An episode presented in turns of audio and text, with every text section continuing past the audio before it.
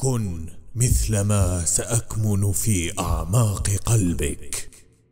أنا جزء منك. أنت جزء من وعي نوعك. جزء مني. رغبتك هي رغبتي أيضا.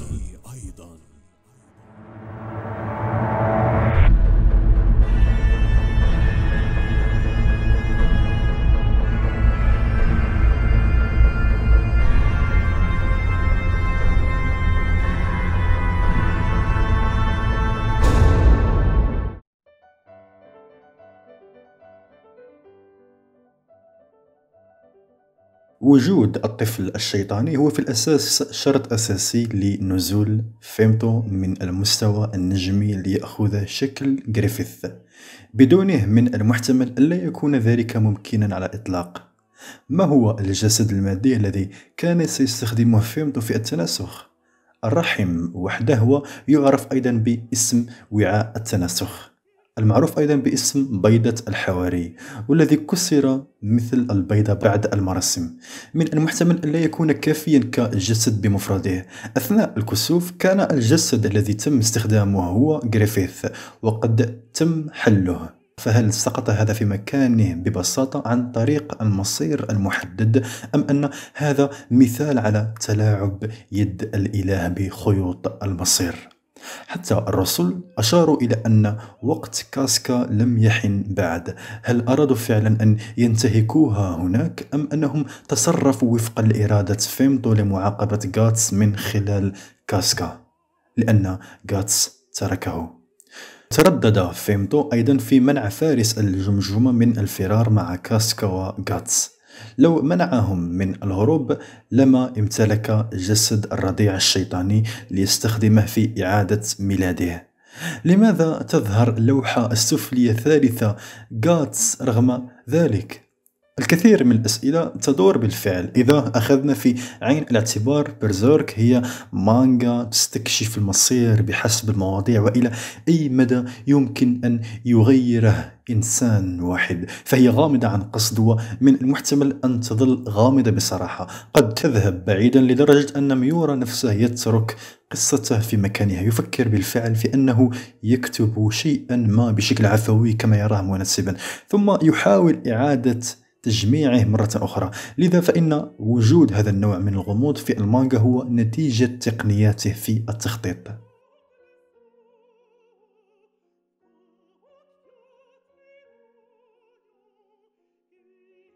نعلم من الفصل 83 أن سلالة جريفيث تحددت قبل ولادته وحياته بعد ذلك تم التلاعب بها بعناية من قبل فكرة الشر وأعضاء يد الإله. وقد تم تنشئته وإثارته لتحقيق أهداف فكرة الشر. يد الإله ليصبح يوما ما صقر الظلام الذي من شأنه أن يظهر اليد الإلهية في العالم المادي. تم استخدام جريفيث كأداة منذ ولادته ولم يكن أبدا رجلا أو شخصا مستقلا فقد حصل على ثروة هائلة وقدرة على التأثير على كل من حوله دون معرفة السبب ومنحتها فكرة الشر الجمال والنجاح والحلفاء والقوة إلى أن يخسر جريفيث كل شيء من خلال التلاعب بالسببية ويتم التلاعب به للتضحية بما خلفه. إذا بدأنا من المبارزة على التل الثلجي حيث حصل جاتس على حريته فلدينا بالفعل حقائق معينة مثبتة بالفعل بالنسبة لنا. إن النشاط الجنسي لجريفيث غير مستقر في أحسن الأحوال ويبدو أنه يعمل بشكل أكبر على ديناميكيات القوة والإعجاب الخام. لكن شيء وحيد واضح بشكل مؤلم للجميع فقط جاتس هو أن جريفيث في حب له. عندما تحطم عقل كاسكا لسنوات بعد الكسوف كانت بقايا ذاتها تحت وصاية فكرة غاتس في عقلها. فالكلب الذي يسحب التابوت يمثل غاتس لكنه ليس غاتس ولا يتحكم فيه غاتس الكلب هو الذي كان غاتس لكاسكا.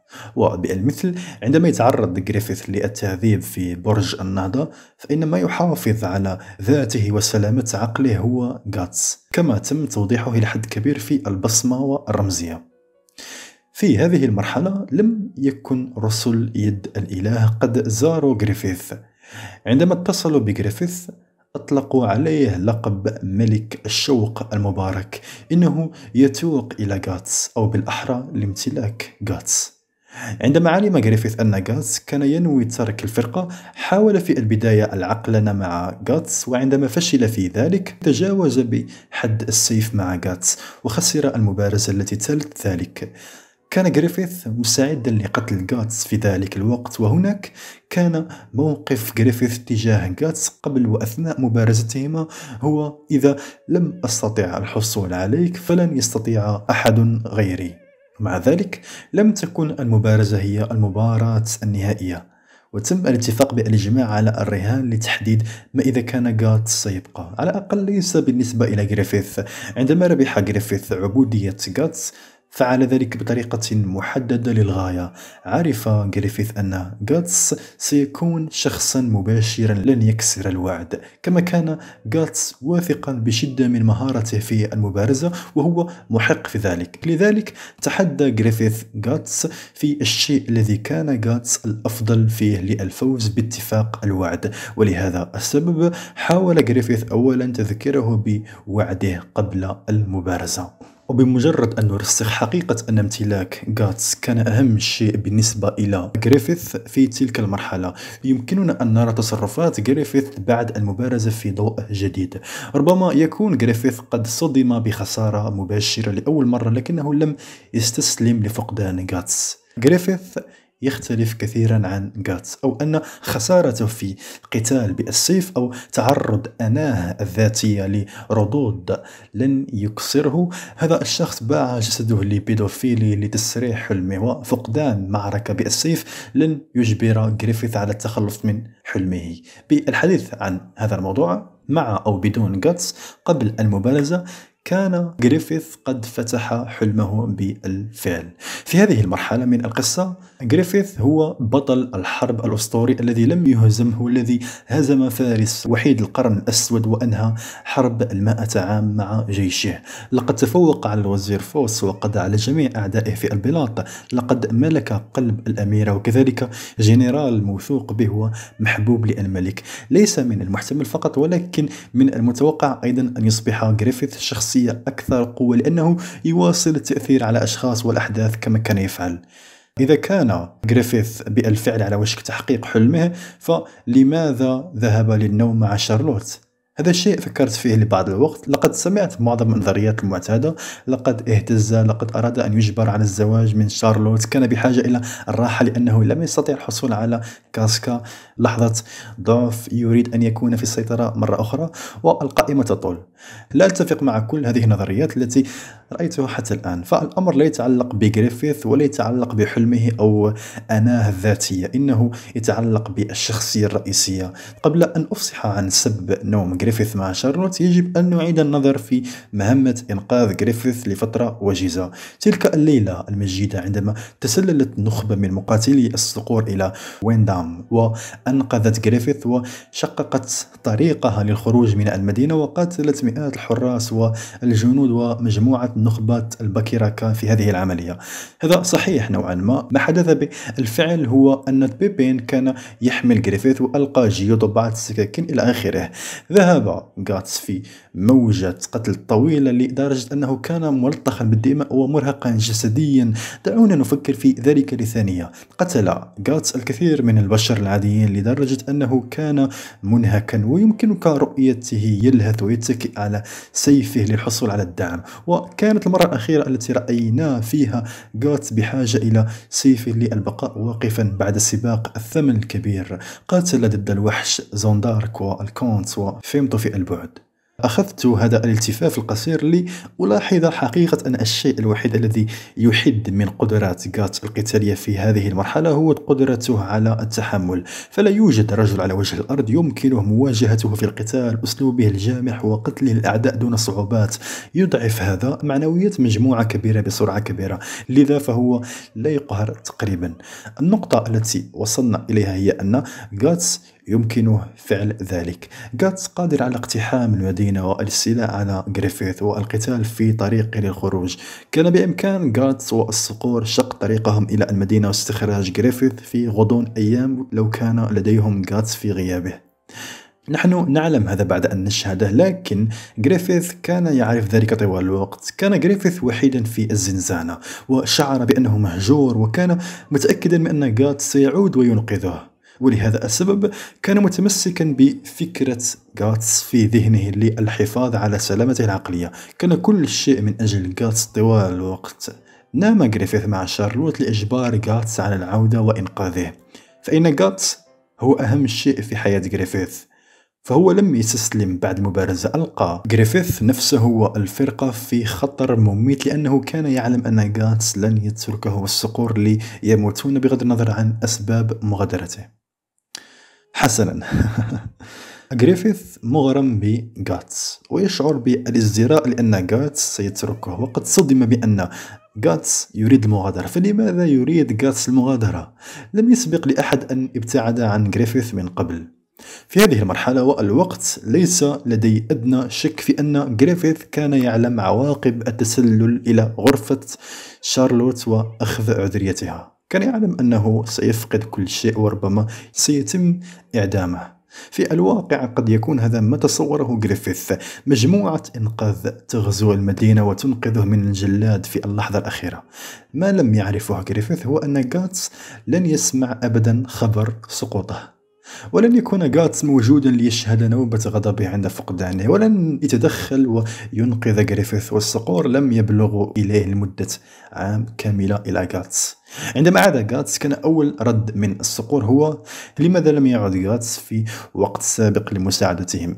لم يعلم أحد بما في ذلك. غريفيث أن غاتس سيذهب إلى الجبال لمدة عام. لم يكن أحد يعلم أن غاتس سيذهب فورا إلى معتكف تدريبي جبلي. إذا كان غريفيث يعلم ذلك لكان قد اختار طريقة مختلفة لإجبار غاتس على العودة. تخلص غريفيث بحياته عن طيب خاطر حتى يضطر غاتس للاختيار بين قناعاته وحياة غريفيث وكاسكا وفرقة الصقر. كان غريفيث مستعدا للتضحية بالصقور من أجل حلمه. لذلك فمن المنطقي أنه سيعرض الصقور للخطر من أجل غاتس الذي كان في ذلك الوقت أكبر من حلمه. وإلا فلماذا يتخلص غريفيث عن طيب خاطر من كل ما كان يعمل من أجله؟ لماذا سيحكم بالإعدام على رأسه إذا لم يجبر غاتس على العودة وإنقاذه؟ تضيف هذه النظرية أيضا بعض سياق لأفعال غريفيث أثناء الكسوف. كما رأينا في لقطة مهمة الإنقاذ شهد غريفيث العلاقة الحميمية بين غاتس وكاسكا عندما قامت كاسكا بمسح الدم عن غاتس. لا يعرف هنا غريفيث حتى يومنا هذا أن غاتس لم يكن على علم تماما بسجنه وتعذيبه ولا يعرف غريفيث أن غاتس ذهب للتدريب في الجبال. غريفيث يحب غاتس ولكنه يكرهه أيضا لتركه ليموت في تلك الزنزانة. اعتقد غريفيث أن العلاقة الحميمية بين كاسكا وغاتس تعني أنهما قد اقتربا أكثر على مدار العام الذي سجن فيه. لقد تصورهما أنهما واقعان في الحب ونميا علاقتهما في العام الذي تعرض فيه للتعذيب في تلك الزنزانة. يشعر غريفيث بارسيا لأنهم تركوه يعاني لمدة عام. فما الذي كان يمكن أن يكون مهما للغاية لدرجة أنهم لم يأتوا لإنقاذه قبل أن يتم تدميره وشله تماما؟ اغتصب غريفيث كاسكا في الكسوف لأن غاتس أحب كاسكا وكان غريفيث غاضبا لأن غاتس اختار كاسكا عليه. فهو يريد تدمير حبهما والعلاقة التي دارت بينهما يعتقد أنها بنيت في العام الذي قضاها في التعذيب يريد غريفيث إيذاء غاتس من خلال تدنيس ما أحبه. ليس لدى غريفيث سبب آخر لإيذاء كاسكا فقد كانت كاسكا بيدقا يقودها لأنها كانت مفيدة ومكرسة تماما للصقور. في وقت رحيل غاتس كانت قد سقطت بألفعل من موقعها رقم اثنان ولم تكن كذلك مفيدة في المحاكم العليا كما كانت في المعارك. إنها ليست مهمة بما يكفي لغريفيث لتبرير الحب أو الكراهية.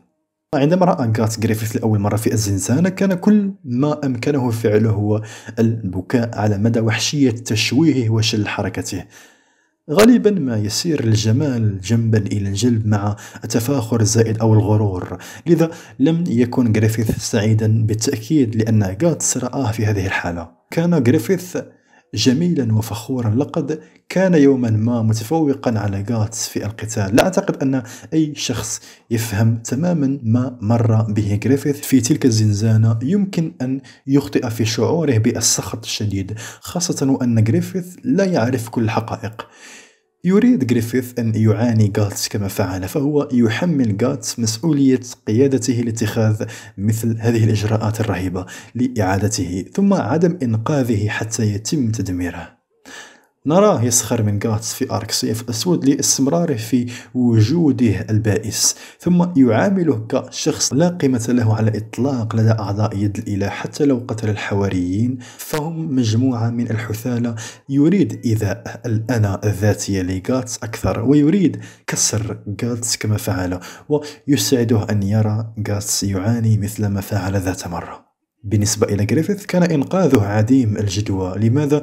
تنقذه الآن بعد أن أصبح بالفعل أبكما ومشوها ومصابا بالشلل تقريبا. كان ينبغي عليهم فقط تركه يموت بدلا من جعله يعاني من ألام رؤية الجميع يشفقون عليه. لهذا السبب كان غريفيث غاضبا من غاتس فقد تأخرت عملية الإنقاذ كثيرا ولم يتمكن أبدا من إعادة بناء حلمه حتى لو كان لديه القوة الكاملة للصقور خلفه حتى لو قام بطريقة ما بأخذ مملكة لنفسه. فإن جسده لا يزال مدمرا وليس لديه جلد على وجهه ويحتاج إلى اهتمام على مدار الساعة ولن يقف بمفرده مرة أخرى. ناهيك عن قيادة أي شخص إلى معركة أو قيادة الأمة. مات حلمه ودمر جسده ودمرت علاقته مع غاتس ودمرت مكانته في الصقور.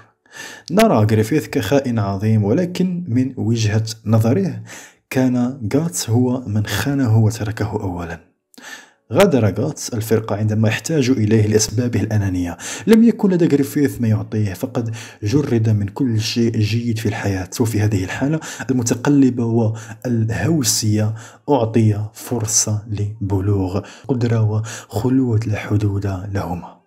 وبدلا من كره جريفيث للتضحية بالفرقة يجب أن نثني عليه لحقيقة أنه كان ملزما إلى أن يظهر له كل تلك الرؤى والهلوسات من قبل يد الإله حتى يقتنع. غريفيث هو فقط ما صيرته فكرة الشر. الشيء الوحيد الحقيقي في حياته هو علاقته مع غاتس الذي لم يكن ملزما بقوانين السببية التي تلاعبت بها فكرة الشر لقرون لإعلاء غريفيث. أود توجيهك إلى فصل الوقت الموعود في المجلد 12 عندما غادر ريكرت القافلة تلك أطل العراف على مستقبله لفهم الظروف الغامضة المحيطة بريكرت عندما ألقى نظرة على الكرة السحرية ذكرت كاتو وراغو. في ذلك الوقت لم تكن قادرة على تمييز ما إذا كان النجم العملاق المشؤوم الذي رأته هو كاتو أو راغو. فهذه إشارة إلى الأساطير الهندوسية حيث يكون كاتو وراغو أو راهو جزءا من نفس الكائن المشترك. أحدهما هو الرأس والآخر هو جسم. تقول الأسطورة أنه عندما قامت الآلهة وأسوراس بتحريك المحيطات لاستخراج إكسير الخلود لأنفسهم كان راهو كاتو الذي لم يكن إلها ولا أسورا. أسورا التي تعني في النصوص الهندية بأنها أنصاف الآلهة الخارقة القوية ذات الصفات الجيدة أو السيئة فلم يكن حاضرا وشرب أيضا الإكسير. بمجرد إبلاغ الآلهة بهذا قطع رأس راهو كاتو من جسده ولكن بما أن راهو كاتو لم يستطع الموت أصبح رأسه معروفا باسم. راهو بينما أصبح جسده يعرف باسم كاتو. بعد هذا الحدث تم تكليف راهو وكاتو بمسؤولية التأثير على حياة البشر على الأرض. أعتقد أن راهو الرأس هو ممثل جريفيث هو خبير تكتيكي ماهر يمكنه التأثير على الآخرين دون قوة ولديه رؤية هائلة. يمثل راهو المادية والخوف وعدم الرضا والهوس وجميع المشاعر التي تتناسب مع شخصية جريفيث. وبالمثل فإن كاتو يمثل جاتس. غاتس الذي يسير على طول الأرض بينما يحلق جريفيث وغاتس الذي لا مثيل له في قوته. هذا مقتطف حسب اطلاعي من صفحة ويكي والتي أعتقد أنه يمكن تطبيقها على غاتس كما هي دون أي تفسير من جانبي. بينما يعتبر كاتو حارقا للشر وقد ارتبط في الغالب بالأشياء السلبية يعتبره معظم الناس طالعا عويصا لأنه يجلب الكثير من المشاكل على المستوى المادي وغالبا ما يجلب إحساسا بالانفصام التام والخسارة والإفتقار إلى العقل والتجول والارتباك في حياة المرأة. الانفصال عن العالم والخسائر وفقدان عقله والتجول بلا هدف وإحداث مشاكل للأشخاص الذين ليسوا خطأه هذه كلها استعارات تحدد رحلة غاتس وتردد صدى المبارز الأسود والسمعة التي بناها في تلك الأيام. أعتقد أن غاتس وغريفيث مرتبطان بأكثر من قوانين السببية فهم كائنات قوية ذات مصائر عظيمة تغيرت حياتهما وأضللتهما فكرة الشر لأغراضها الخاصة. أعتقد أن الأركات القادمة سندخل في مفاهيم التقمص في المسار الدوري الحالي للسببية آمل أن تجد الأرواح القبلية لبيبين وجيودو والصقور الآخرين طريقهم إلى غاتس ليصبحوا حلفاء له مرة أخرى. تذكر نهاية آرك الأطفال. يتساءل غاتس عما إذا كان سيجد أصدقاء أو ما إذا كانوا سيجدونه.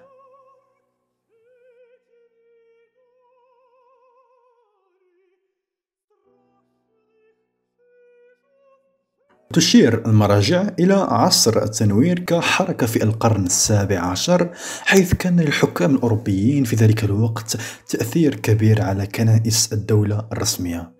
وبذلوا جهودا لتطهير المسيحية من التراكمات الأسطورية أو الفولكلورية مما أدت إلى إزالة عدو المسيح أو المسيح الزائف أو كما يعرف الدجال من المناقشة في الكنائس الغربية السائدة.